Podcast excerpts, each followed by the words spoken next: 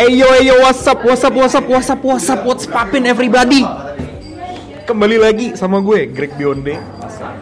Jadi setelah podcast gue yang pertama itu tentang introduction, uh, di situ gue menjelaskan tentang kira-kira nanti podcast gue ke depan tuh akan kayak gimana dan di situ gue udah mention kalau misalnya nanti suatu suatu saat, eh, bukan suatu saat sih, di ke depannya gue akan menginterview banyak orang.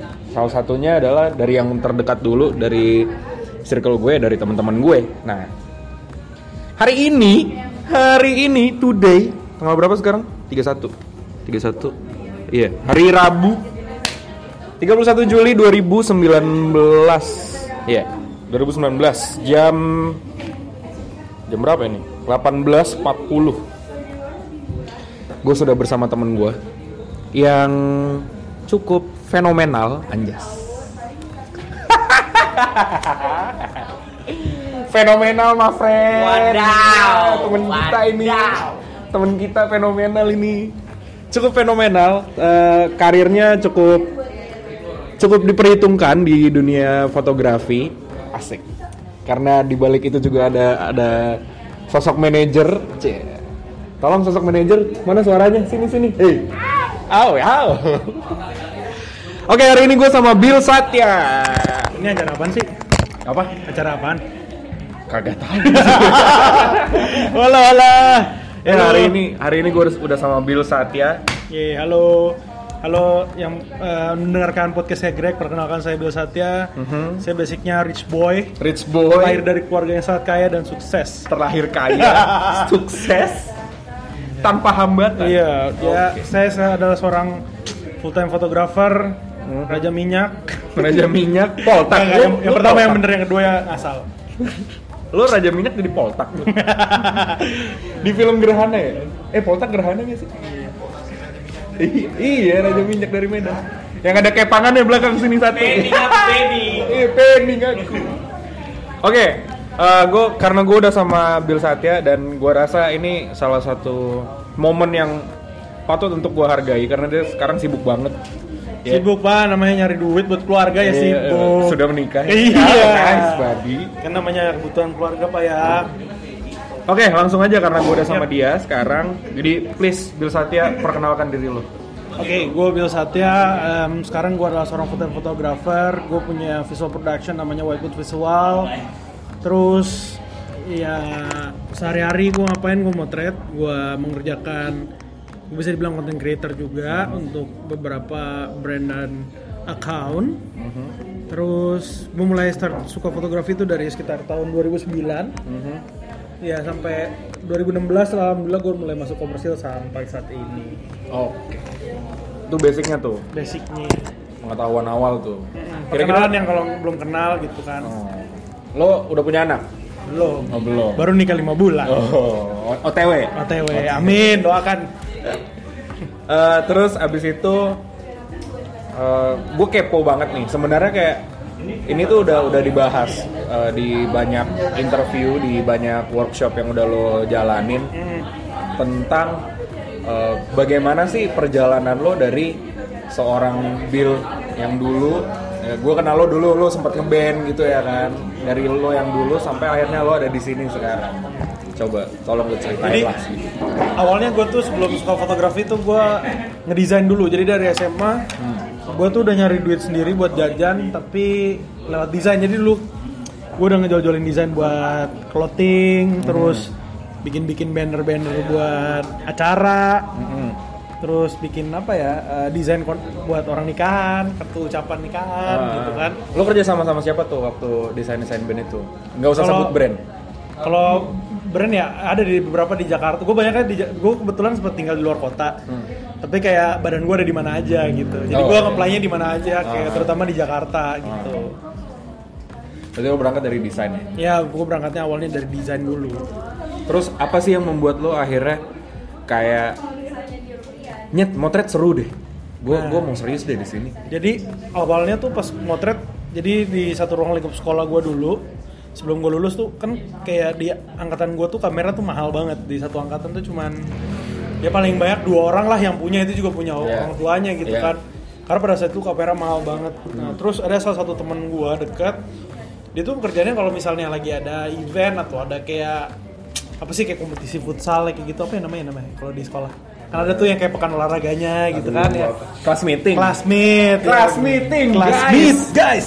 jadi kayak kelas meet dia suka bawa. Nah tapi temen gue ini bukan orang yang tipe doyan motret banget gitu. Jadi dia Oh, cuman bawa aja kalau misalnya ya hobis. Nah terus kadang-kadang nih kalau misalnya itu dia lu pegangnya dia lu pakai lu cobain gitu kan.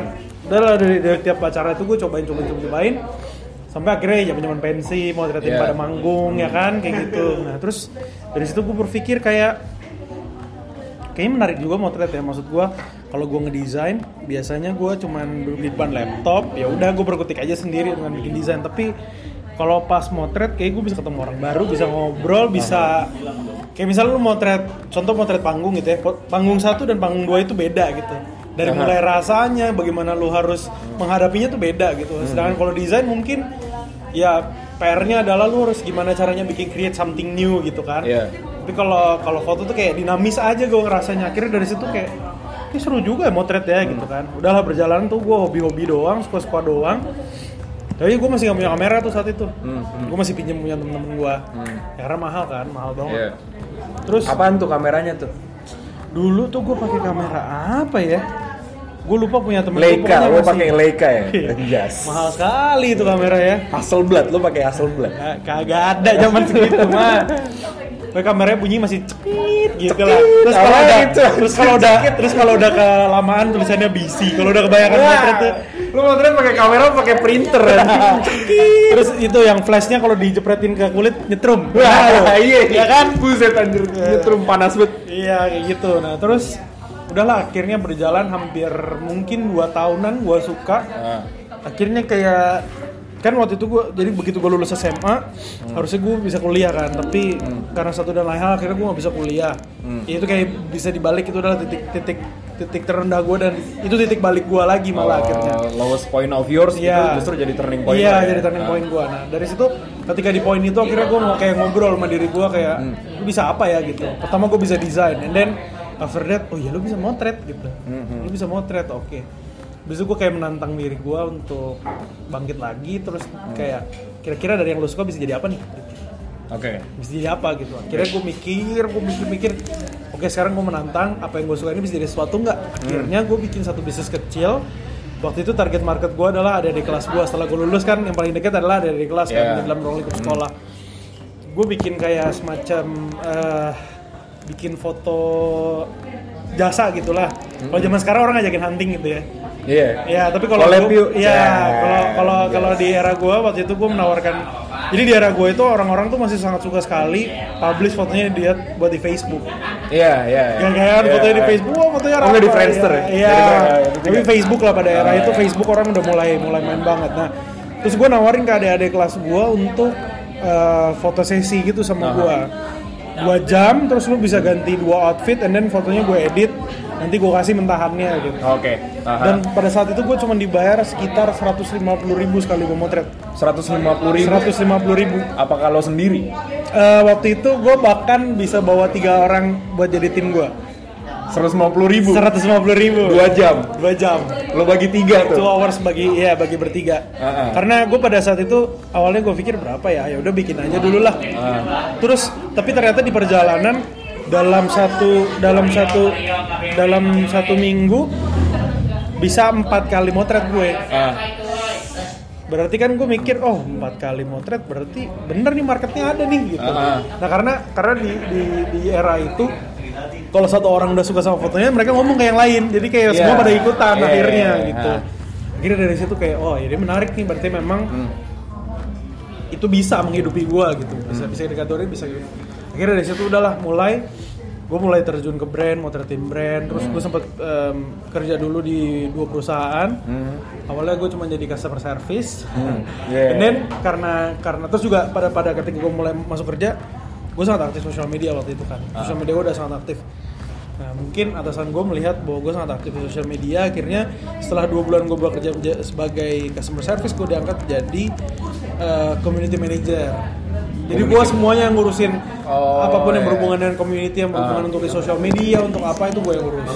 Kalau sekarang tuh mungkin kayak orang yang di bagian ngurus KOL gitu. Ya Oh, betul. gitu, Jadi oke. kayak nih trennya apa nih sekarang atau mungkin siapa orang-orang yang cocok untuk Ah. um, di reach sama si brand ini. Gitu. Aha. Udah lah, abis itu gue pindah satu company lagi, gue full time jadi social media specialist dan fotografer. Setelah itu gue memutuskan untuk freelance sampai saat ini. Oke, so jadi eh, karena tadi ada sedikit gangguan, tepatnya terlalu rame. jadi suara suara Bill agak kurang terdengar jelas gitu. Padahal lagi bagian pentingnya, ya kan. Jadi sekarang gue ulang lagi pertanyaannya. Berangkat dari ke kepoan gue tentang eh, sekarang industri kreatif itu berkembang besar dan menurut gue gue tuh kepo banget. Emang bener fotografer tuh bisa hidup dari motret? Sekarang gue mau tanya nih sama Bill. Menurut lo gimana Bill? Bisa nggak? Menurut gue bisa banget sih, karena tergantung balik lagi ke orang-orangnya ya, gimana cara orang-orang itu melihat sebuah opportunity. Maksud gue bukan cuma fotografer aja, mau bidangnya apa pun, lu bisa survive tergantung dari lu nya, bagaimana lu bisa ngeliat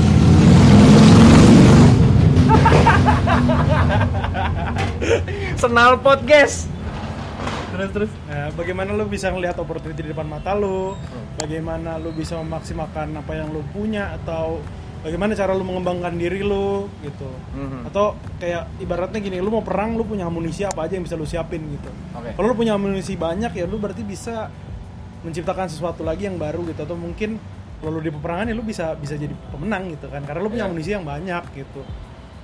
Sebenarnya tergantung dari kitanya sih gimana kita bisa memanfaatkan kesempatan yang datang itu udah pasti. Terus bagaimana kita nunjukin ke orang-orang atau membawa karya kita tuh yang emang gue beda gitu. Atau sesuatu yang kita persembahkan ke orang lain tuh ya gue beda daripada yang lain gitu. Dan gue punya something gitu. Berarti lo lo sedang berbicara soal value. Yap. value gue masih masih kayak dibayang-bayang gue sih. Nah gue kepo. Menurut lo value tuh apa sih? Value itu maksudnya kayak ketika maksudnya kalau kalau opini gue ya maksudnya ketika lu bikin something ada efeknya buat orang lain entah itu maksudnya dalam artian misalnya gue gue menciptakan foto gitu ya. Iya. ketika orang melihat foto gue either dia bisa menikmati em, apa yang gue buat dia bisa dapat information atau dia bisa dapat something untuk perubahan dalam hidupnya. Oke maksud gue eh, ketika lu udah punya value yang kayak gitu orang pasti akan attract sama lu gitu. Oke. Karena orang akan datang akan akan mencari lu lagi untuk value apa lagi yang lu bisa kasih ke kita gitu. Nah gimana cara dapetin value itu? Ya itu semuanya memang dalam proses yang panjang. Ya maksud gua lu nggak bisa yang tiba-tiba ketika when you starting lu bisa bikin something yang value. Itu agak berat sih menurut gua karena lu mesti research yang panjang lu mesti belajar yang banyak hal gitu. Untuk mendapatkan ya kayak di foto tuh mungkin orang mikirnya "Ah, lu cuma jepret doang gitu Nah. tapi kayak there's a lot things di dalam sana sebenarnya Nah. gitu dan yang mahal adalah itunya gitu menurut gue ya dan momentum apa yang bisa lo ambil di sana gitu Ah. kan ya ketika lu udah bisa bikin something valuable maksudnya dari foto lu tuh bisa sa- bikin valuable ya pasti jam terbang lu udah tinggi dan lu udah banyak banget menemukan maksud gua momen dalam kehidupan lu tuh banyak banget yang udah lu pelajarin dan lu aplikasikan ke dalam karya lu gitu oke. Jadi dari situ kan lu udah punya sudut pandang ya. Maksudnya sebelum lu bikin itu berarti lu sudah merasakan value yang lu dapat apa nih? Baru lu bagikan ke orang lain lewat karya lu gitu. Nah yang berarti lo bicara soal konsistensi. Ya ya kan? Lo bikin sesuatu eh, bagaimana menciptakan sebuah karya yang valuable yang eh, punya nilai jual. Ya. itu berarti apakah lo sedang menjual karakter lo supaya lo bisa hidup dari motret.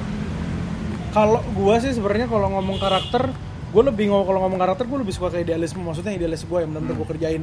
Ya gue seneng seneng aja itu idealis gue gitu. Tapi kalau ngomong pekerjaan mungkin gue nggak nggak bisa 100% gue idealis di dalam sana gitu. Kalau udah ngomong pekerjaan ya. Tapi gue tetap memasukkan idealisme gue ada di sana.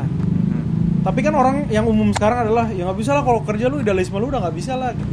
Ya Iya. kan? Orang banyak bilang kayak gitu kan. Iya. tapi kalau buat gue itu itu tinggal gimana caranya kita sebagai kita misalnya contoh gue fotografer nih klien datang ke gue berarti klien punya masalah dan gue adalah problem solvernya bener gak benar benar. Nah gimana caranya kita bisa mengkomunikasikan mereka? Mereka udah datang ke kita berarti mereka udah trust sama kita kan? Ya. Bagaimana caranya komunikasinya em, apa yang mereka mau dengan karakter kita bisa kawin dengan bener oke. Itu itu cuman mungkin menurut orang kayak ya nggak bisa lah kalau udah klien datang ya lu harus turutin dia gitu tapi kalau buat gue gue selalu fight tentang itu gitu. Hmm. karena mereka udah datang ke gue ya berarti lu udah tahu gue seperti apa gitu. Oh maksudnya dalam artian em, capacity gue seperti apa style gue seperti apa gitu. Hmm. ya mungkin kalau emang misalnya di perjalanannya kalau kalau kita ngomong realistis soal duit gitu. Ya kalau mau kerja nih kerjain aja gitu kan. Iya iya iya. Tapi sama kalau misalnya di project-project yang menurut gue ini bisa gue masukin idealisme gue gitu. Atau ya gue sih hampir memang memang di setiap project gue pasti gue gue push idealisme gue gitu. Hmm. yang gue mau seperti ini gitu. Cuman kadang-kadang kan kalau kita udah ketemu sama orang gimana caranya kita bisa mengkomunikasikan apa yang kita suka sedinamis mungkin seringan mungkin. Jadi menurut mereka tuh uh, masuk akal gitu loh. Karena kadang-kadang kan orang kalau yang namanya klien mereka kan ngerasa ntar kalau gue dicampur sama idealisme idealisme lu brand gue gimana nanti gitu kan Mhm. kalau kita bisa ngasih alasan yang rasional menurut gue dan itu bisa ada nilai plusnya pasti mereka mau terima Oh, oke. Tadi lo sempat menyinggung soal eh, kalau misalnya brand datang ke lo, berarti dia eh, trust sama lo. Iya. Karena lo menganalogikannya itu kayak eh, klien punya masalah, lo adalah problem solver. Nah, menurut lo apa yang membuat mereka bisa reach lo? Karena menurut gue, kalau misalnya gue sebagai klien, kalau gue mau memilih, eh, gue eh, punya masalah untuk eh, konten untuk brand gue gitu, dan gue mencari orang untuk eh, menyelesaikan masalah itu, pasti gue research. Nah, menurut lo sebagai lo eh, fotografer, lo kepercayaan diri lo tuh apa tentang tentang bagaimana klien sampai akhirnya bisa eh, trust sama lo? Intinya gini sekarang em, klien itu bisa reach seseorang kalau dia ngerasa standarnya orang itu bisa sama dengan brandnya dia. Oke. which mean gini sama kayak lo lo hire pembantu nih ya contoh ya. Hmm. asisten rumah tangga gitu lo mau hire. Lu tanya pastikan lu bisa nyapu nggak? Lu bisa ngepel nggak? Kerjaan lu gimana nih? Maksudnya cuci baju bisa nggak? Semakin banyak kebiasaan lu semakin bagus kerja lu pasti dia akan hire. Apalagi standarnya sama. Misalnya contoh lu bisa nggak bersihin rumah yang gede banget nih? Hmm. Ya kalau lu sanggup ya pasti lu akan masuk di dalam sana gitu tapi kalau lu nggak sanggup ya lu kan di rumah kecil terus Hmm. gitu maksud gua jadi em, ketika klien udah reach kita gitu ya berarti klien sudah sudah menganggap orang tersebut standarnya quality-nya sudah sama dengan harapannya mereka Oh. atau standar dengan brandnya mereka gitu I see. jadi makanya ketika ketika lu atau atau kita di dapat satu kesempatan yang kayak klien datang terus ke gue gitu Hmm. nah berarti mereka menganggap standar mereka adalah kita maksud kita tuh udah memenuhi standarnya mereka gitu Hmm. dan kita bisa menyelesaikan masalah mereka gitu Mhm. menurut gue sih gitu Terus abis itu eh itu kan tadi kita udah kayak ngebahas dari segi value ya kan. Iya. Bagaimana lo eh oh iya. Jadi gue nongol pertanyaan nih, bagaimana lo tetap menjaga value lo? Itu sih pertanyaan gue. Kalau menjaga value gue tuh gue lebih ya gue ngelakuin apa yang gue suka. Maksudnya dalam artian em, karena karena gue mulai ini bener-bener dari apa yang gue cintai dulu gitu kan. Mhm. so gue suka banget. Jadi di perjalanan ya gue akan terus maksudnya mau mau mau badainya kayak apa juga ya tetap aja gue maksudnya ya itu cara gue gitu. Iya. dan gue ngelakuin apa yang gue suka gitu. Maksud gue value itu bisa kebentuk karena kalau em, lu udah bener-bener kenal dan lu bener-bener kawin sama apa yang lu lakuin sih buat gue. Hmm. jadi lu tahu dari situ tuh bukan bukan cuman masalah foto gue bagus foto gue jelek gitu. Ya itu sih general ya maksud gue bagus dan jelek. Maksudnya semua semua orang bisa nilai gitu. Tapi ketika lu udah bisa ngerasa apa yang lu buat itu valuable berarti lu kan udah bener-bener tahu banget apa yang lu buat gitu. Hmm. dan lu research banget apa yang lu buat apa efeknya gitu. Mhm. udah dipikirinnya sampai sedalam itu gitu. Jadi seperjalannya waktu akhirnya yang mau nggak mau valuable it- val- gimana caranya ngejaganya ya gue terus ngembangin dari dari apa yang setiap gue lakuin. Pasti kan gue evaluate dong ini kira-kira Ya. em, plusnya apa nih kalau gue bikin kayak gini? Bisa nggak ada dampaknya untuk orang lain? Oh minusnya apa nih untuk orang lain? Kan jadi mau nggak mau gue setiap setiap bikin sesuatu mau nggak mau gue belajar sesuatu lagi. Ya. so akhirnya jadi satu formula yang nanti di perjalanan setiap orang pasti punya yang beda-beda gimana cara mempertahankan si valuable-nya itu gitu. Berarti nggak menutup kemungkinan kalau misalnya lo nggak tutup mata tentang hal-hal baru. iya betul Yang karena menurut akan- gue Ah. menurut gue pribadi kalau kita udah menutup mata tentang hal-hal baru lu akan jalan di tempat sih buat gue ya Guys, dengerin tuh. Coba, coba tolong lo ulang. ya kalau misalnya lu kayak menutup mata lu atau pikiran lu untuk hal-hal yang baru gitu ya Hmm. lu kan jalan di tempat sih menurut gua Nggak akan berkembang. nggak akan berkembang karena gini maksud gua namanya ya misalnya kayak kalau kalau lu nggak mau berkembang ya lu akan hilang sama sama waktu maksud gua orang-orang udah nyampe di bulan lu masih diem aja di sini gitu Iya, iya. dan dan berpegang teguh sama kepercayaan lu gitu maksud gua Hmm. kepercayaan akan sudut pandang gitu sudut pandang lu ya nggak bisa gua mau kayak gini gitu Hmm. tapi sedangkan kenyataannya tuh lu nggak bisa kayak gitu, gitu. Oke. Maksud gua lu boleh idealis tapi di tempat yang tepat dan bukan berarti lu idealis lu nggak mau melakukan hal yang lain gitu Ya, I see.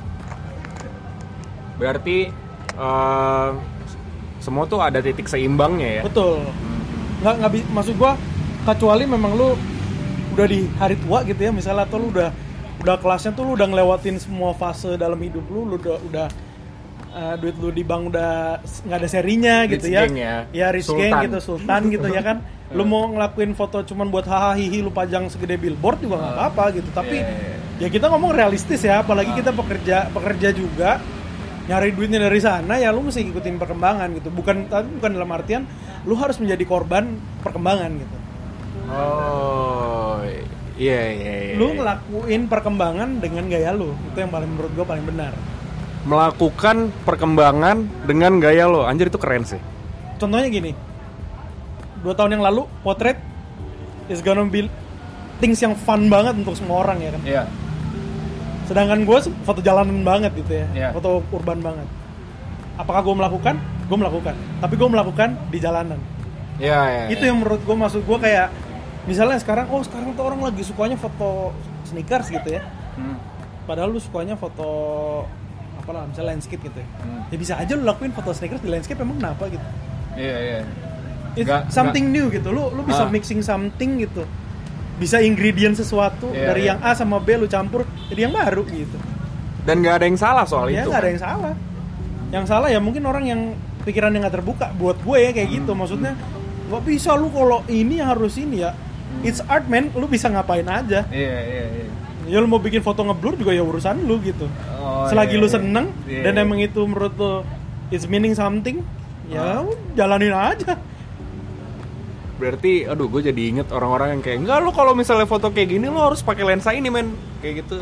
Menurut lu gimana? ya kalau lu ngomong kerjaan iyalah tapi kalau Ah. ngomong idealis gue mau foto pakai tele doang ya emang kenapa gitu Iya iya. ya itu su- intinya gini kalau kalau gue tuh punya prinsip selagi gue ngejalanin seneng mau orang apa, apa kata orang gue udah bodo amat sih. Mhm. yang penting gue seneng gitu. Karena gue bikin bikin sesuatu tuh bukan buat nyenengin orang buat nyenengin gue gitu. Kalau lu mikirin buat nyenengin orang mulu mah lu nya nggak bakal seneng. Pasti lu Iya, mikirnya iya. cuman wah gue harus bikin ini biar orang lain seneng biar orang lain lihat gue biar foto gue viral. Ah. udah paling lu paling bertahan berapa lama sih lo kan bikin kayak gitu? Karena lu nggak ngelakuin pakai passion lu gitu tapi lu cuma ngelakuin biar dilihat sama orang gitu Melakukan atas nama like. Iya. Ya. ya kalau zaman sekarang ya kayak gitulah ya ngomongnya. Ih, kenapa sih orang klakson-klakson atas nama like, atas nama follower Iya. gitu. Atas nama popularity. Hmm, tapi lu percaya nggak sih kalau semuanya itu akan eh ya lewat dulu ya sana ninja. Lo percaya nggak sih kalau semuanya itu akan berjalan eh, seiring waktu tanpa harus lo paksakan? Maksud gue kayak eh, lo mem- susah payah membangun atau menciptakan sesuatu yang di- disukain sama orang sementara lo nggak suka ngerjain itu. Bukan nggak suka ya, lo suka tapi lo terpaksa karena Ikutin apa mau orang. ah, ah, lo pengen orang menilai lo dan akhirnya lo nggak kasih makan lo sendiri gitu lo. Self love lo jadi dilupain. Nah lo percaya nggak sih kalau misalnya lo tetap melakukan apa yang lo suka tapi lo menaruh menaruh itu tuh di titik eh, seimbang dan itu akan bertumbuh seiring dengan waktu lo percaya nggak hal itu Iya percaya. Karena maksud gua ketika lu udah bisa bikin seimbang, prinsipnya sih menurut gua kayak air.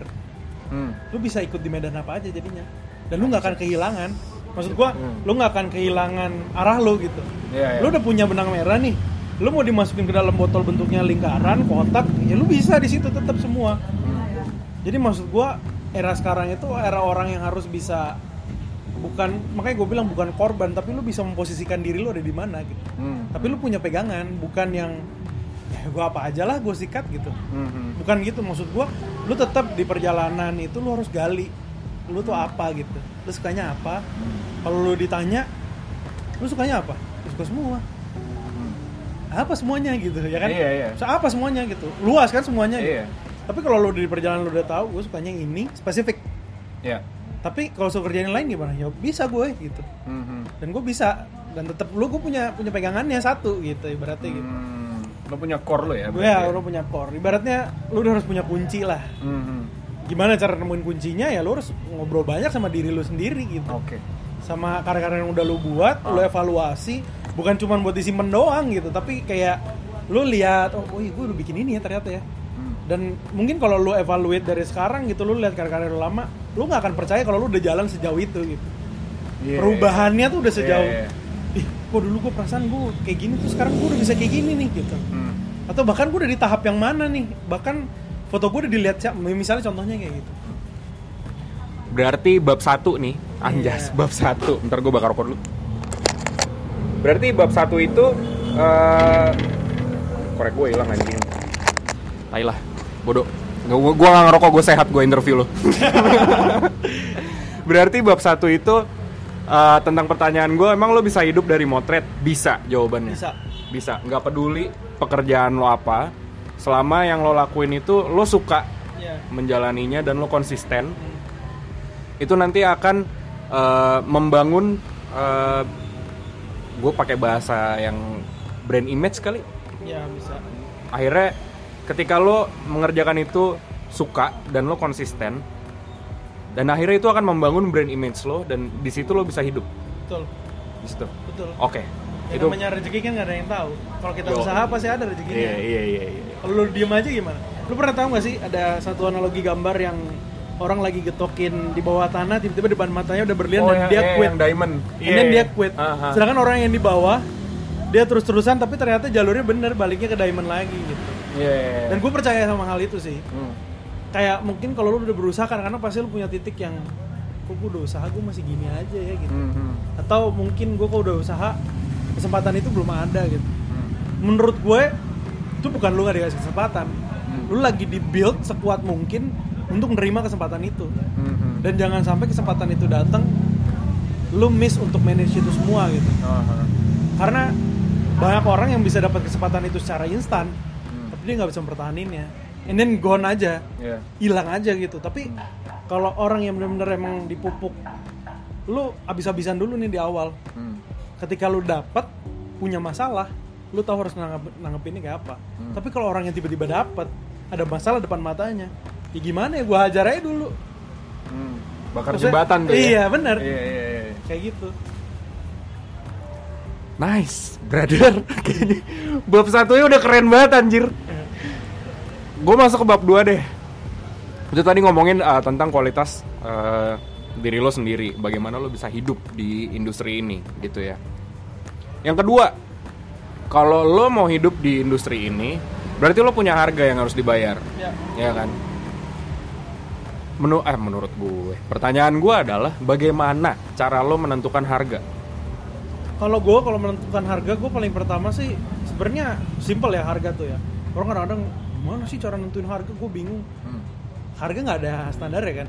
Iya, iya. Nggak ada iya. yang ya kecuali mungkin kalau lo apa ya jasa-jasa yang pasti gitu mungkin ada ada standar ya. Tapi kalau buat gue kalau seni nggak ada nggak ada standar ya gitu. Aha. kalau gue sih biasanya gue menentukan harga yang paling pertama gue akan ngelis dulu gimana caranya sebuah kebutuhan yang ada di production gue sebelum jasa gue itu udah tercukupi semua. Oke. dengan standar yang mau gue pakai gitu. Misalnya oh gue kebutuhan fotonya untuk billboard segala macam gitu ya itu gue list dulu semuanya sampai sampai gue kenyang lah ibaratnya Hmm, sampai maksudnya untuk kebutuhan production gue tuh sama sekali nggak ada keteteran hmm. setelah itu baru gue tentuin jasa gue berapa pertimbangannya adalah gue harus mikir seberapa capek gue Hmm. em, seberapa effort yang gue keluarkan, Hmm. seberapa banyak ide gue digunakan, dan apa aja scope gue di situ untuk gue kerjakan gitu. Hmm. Gue sih lebih kayak gitu. Jadi maksudnya gue nggak pernah yang ribet sampai oh foto gue kalau dipakai 6 bulan gue harus gini. Gue nggak pernah kayak gitu sih. Tapi lebih kayak ya udah lu lu maunya ngargain diri lu berapa sepantasnya untuk lu hargain diri lu gitu. Atas capeknya lu, guling-gulingannya lu gitu. Iya, iya. Gue sih kalau biasanya makanya kalau soal harga gue selalu fair-fairan aja. Kalau gue maunya segini ya gue maunya segini karena gue udah tahu dengan angka segitu lu akan dapetin kapasitasnya seperti apa gitu. Hmm. Karena bahaya juga kalau misalnya lu harga kasih harga gede gitu ya. Tapi kapasitas lu tidak tidak bisa ngasih yang sesuai sama itu gitu. Ya, itu mah cuma nyari duit aja gitu. Nggak iya. akan panjang. Berarti lo nentuin harga, lo harus ngaca dulu juga dong. Iya. Iya kan? Maksud gua makanya di setiap project kalau ditanya eh harga lu berapa ya? Gua nggak tahu lah harga gua berapa ya. Lu projectnya apa dulu gitu kan. maksud gua em, gua akan kasih harga yang memang benar-benar rasional sama project lo ya project besar ya gua scope gua makin banyak tanggung jawab gua makin besar ya pasti harga gua makin besar gitu jadi bukan semata-mata nyari ya memang namanya kita kerja nyari keuntungan pasti kan Iya. cuman menurut gue cari keuntungan yang masuk akal gitu Iya, iya. bukan yang nyari keuntungan yang gede tapi kerjanya mau kecil gitu ya semua orang juga mau kayak gitu ya Apa sih orang-orang pada berisik buat kenal potnya? Oke, berarti eh ya itu tadi udah dijelasin sama Bill. Terus, nah gue mau nanya nih, misalnya nih Bill, gue klien. Habis itu gue approach lu nih. Eh, Bill, gue tertarik nih kerja sama sama lu. Gue suka nih, gue mau pakai jasa lu. And then gue tanya rate card lu berapa? Gitu. Terus habis itu lo kasih rate card ke gue. Oh, rate card gue segini, Greg. Terus gue bilang, anjir mahal banget bro. Bisa nggak lo ngerjain segini? Misalnya, eh lo kasih gue harga misalnya, let's say sepuluh ribu gitu, ceban ya. Habis itu gue nawar lo, bisa nggak lo eh, turunin lima ribu gitu loh. Tapi gue maunya tuh kayak gini, kayak gini, kayak gini, kayak gini. Solusi dari lo apa? solusi gua adalah gua akan ngasih konsep baru dengan spesifikasi seharga yang sama harga segitu maksud gue misalnya contoh kenapa gua ngajuinnya recorder bisa 10 juta gitu ya Eh, standar kamera yang guna gua gunakan apa apa apa? Apa? Konsepnya seperti apa gitu? Outputnya seperti apa? Itu kan gua kurangin semua. Oke. ya kalau mau lu harga lu mau segitu ya gue bisa standarnya segini gitu. Iya, iya. terserah lu kalau lu mau harganya segitu ya kan gue kasih. Jadi makanya harga itu buat gue akan menentukan hasilnya juga sih buat gue ya. Ya lu dengan budget murah ya lu pasti akan dapetinnya juga sesuatu yang sesuai sama harganya gitu. Sama kayak lu beli berlian sama imitasi gitu ya lu Iya. beli imitasi ya apa yang lu lihat ya lu dapet kayak gitu. Ya lu bayar mahal ya lu dapet dapet berlian beneran gitu. Jadi maksud gua kadang-kadang kan namanya klien mereka datang mungkin bukan dari background orang yang ngerti banget sama production gitu ya. Mereka cuma berpikir gimana caranya gue bisa dapat konten yang bagus atau bisa dapat sesuatu yang bagus dengan harga seringan-ringannya gitu. Iya. nah tugas kita sebagai fotografer adalah nggak boleh capek untuk ngedukasi Kayak gimana tuh? maksud gue ngedukasinya gini oke nggak apa-apa lu mau budget segitu ya tapi gue jelasin dengan budget segitu lu akan dapat apa eh, dan apa alasannya kalau lu bayar gue dengan segitu apa yang bisa lu dapat gitu kadang-kadang mereka nggak ngerti kan Iya, iya. maksudnya nggak ngerti prosesnya nggak ngerti bagaimana capeknya nggak ngerti alat-alat yang digunakan karena mereka cuma tahu ya orang cuma motret orang cuma ngetik video Orang cuma mencet all. shutter. Iya. Cuman segitu aja, tapi mereka tidak melihat proses kreatifnya. Dan itu yang harus dijelaskan. Gue selalu kalau misalnya sama klien untuk gue maksudnya itu juga salah satu cara untuk berhubungan baik sama mereka. Bukan kalau ketika lu nggak cocok sama project itu, ya tolakan gue adalah dengan alasan yang yang make sense untuk gue gitu. Iya. Gue menolak bukan karena sombong banget lu nggak butuh duit gitu ya. Bukan kayak gitu, tapi kalau di itu itu lebih kepada seberapa besar lu bisa menghargai diri lu gitu Iya. kalau lu siap diseret-seret ya lu bakal diseret seumur hidup lu gitu kan Hmm. tapi kalau lu punya ya itu gue bilang itu salah satu cara untuk bagaimana lu bisa jadi orang yang punya value gitu jadi orang nggak akan nggak akan gampang ngeremehin lu gitu. karena lu punya nilai yang harus orang bayar dan itu worth it Nice, man. Nice. Oke, habis itu jadi pertimbangan lo itu aja. ya Menurut lo quality first or quantity first? quality sih kalau gue karena kalau quantity ya banyak tapi habis itu yang lu buat dilupain gimana Ya. tapi kalau quality sekalinya lu bikin something itu bakal diingat seumur hidup itu menurut gua is a good thing sih gitu Hmm. tapi it depends ya tiap orang kan punya punya keputusan yang berbeda-beda gitu ya kalau butuh duit ya quantity lah pasti gitu Iya, iya. tapi kalau lu udah berpikir yang beda gitu ya. Kalau gue sih quality gitu. Jadi mending gua ngerjain satu tapi bener-bener puas dan itu akan long lasting Hmm.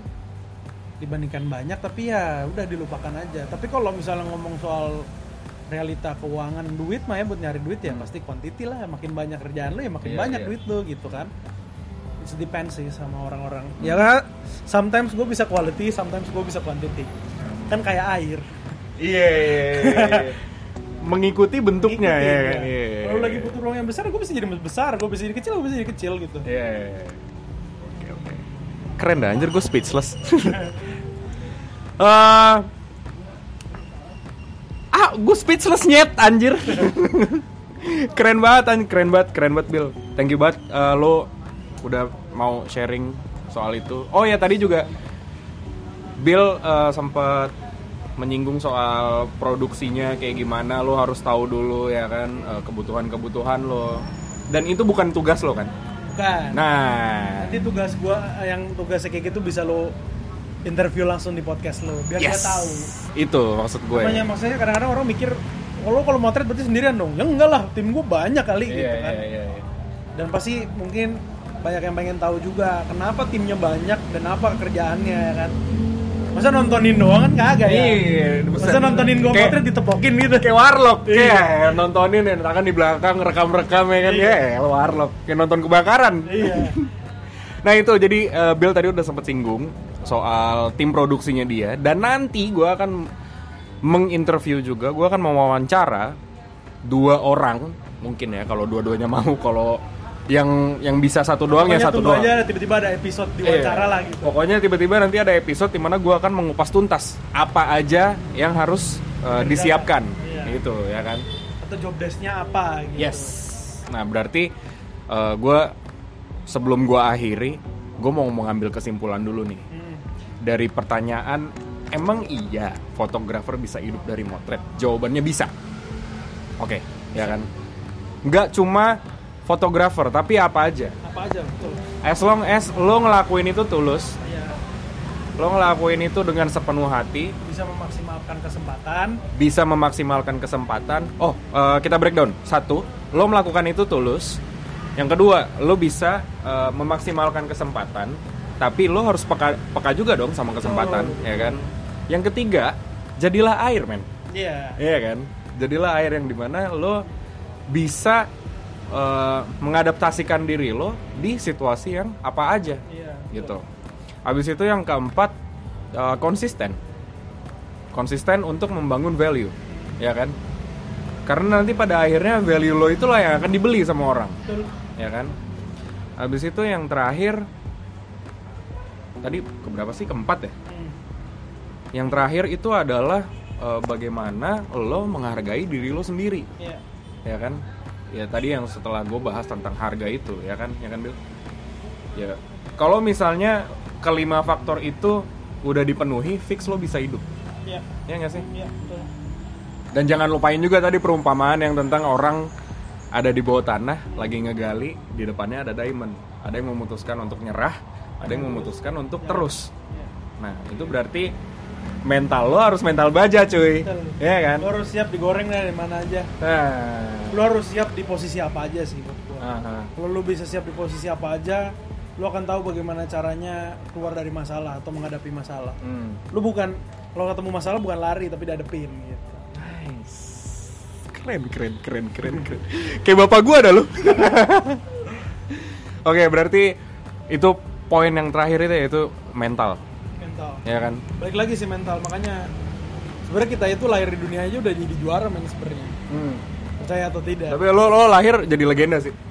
Born to be legend baju gue. Badi. Good job, Badi, ya kan? Ya, karena- bajunya lo pakai lagi sekarang. Iya makanya maksud gue gue kayak gue kayak punya punya apa punya kata-kata sendiri di baju yang gue pakai born to be legend maksudnya bukan legend dalam artian oh lu jadi legend di negara lu tidak tapi untuk kehidupan untuk story lu sendiri karena lu bisa jadi legend untuk cerita lu sendiri. Maksudnya lu punya punya sesuatu yang bisa menjadi seseorang yang bisa bermanfaat untuk orang lain itu menurut gua udah jadi legend gitu. Karena dia bisa menyebarkan sesuatu yang bermanfaat untuk orang lain gitu. Ini lu hidup di dunia aja udah jadi legend. Maksudnya lu ngalahin berapa ribu sperma dan lu Iya. keluar jadi pemenangnya gitu. Satu banding sejuta, lu tetap legend ya. iya betul. Iya kan? betul You live your own life, you live your own stories, and You're the be legend about it, iya. gitu ya, kan? born to be legend keren keren keren keren keren. Gue mau tepuk tangan tapi gue megangin handphone, nggak bisa nyet. Ntar ya gue tepuk tangan off the record. Jadi itu adalah akhir dari podcast gue kali ini yang sangat amat bermanfaat dan seru deh. Kayak kayak gue udah apa merencanakan ini dari lama dan akhirnya ya ya udah gue lakuin aja gitu. Sekarang ternyata impactnya juga gede juga ke gue karena gue bisa dapat insight baru gue bisa belajar hal- hal-hal baru gue bisa menyerap Discussion sih, Bu. iya discuss ya kan. Karena ngebuka kepala lu jadi Mm-mm.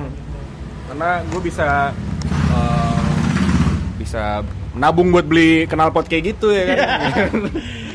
Gue bisa apa namanya eh, menyerap absorb gitu loh. Downloading eh, another perspective. Menjadi air. Menjadi air ya kan? Oke. Jadi kesimpulannya itu tadi udah gue sebutin lo harus punya value dan lo harus bisa menghargai diri lo sendiri dan lo bisa konsisten. Dan konsisten itu lo butuh mental mental yang baja. Konsisten itu terbentuk ketika lu sudah mencintai apa yang lu lakukan. Nice. Oh iya itu itu poin yang nggak boleh lo lupain. Self love comes first. Iya self love is priority cuy betul. Don't do it for others do it for yourself first. Iya.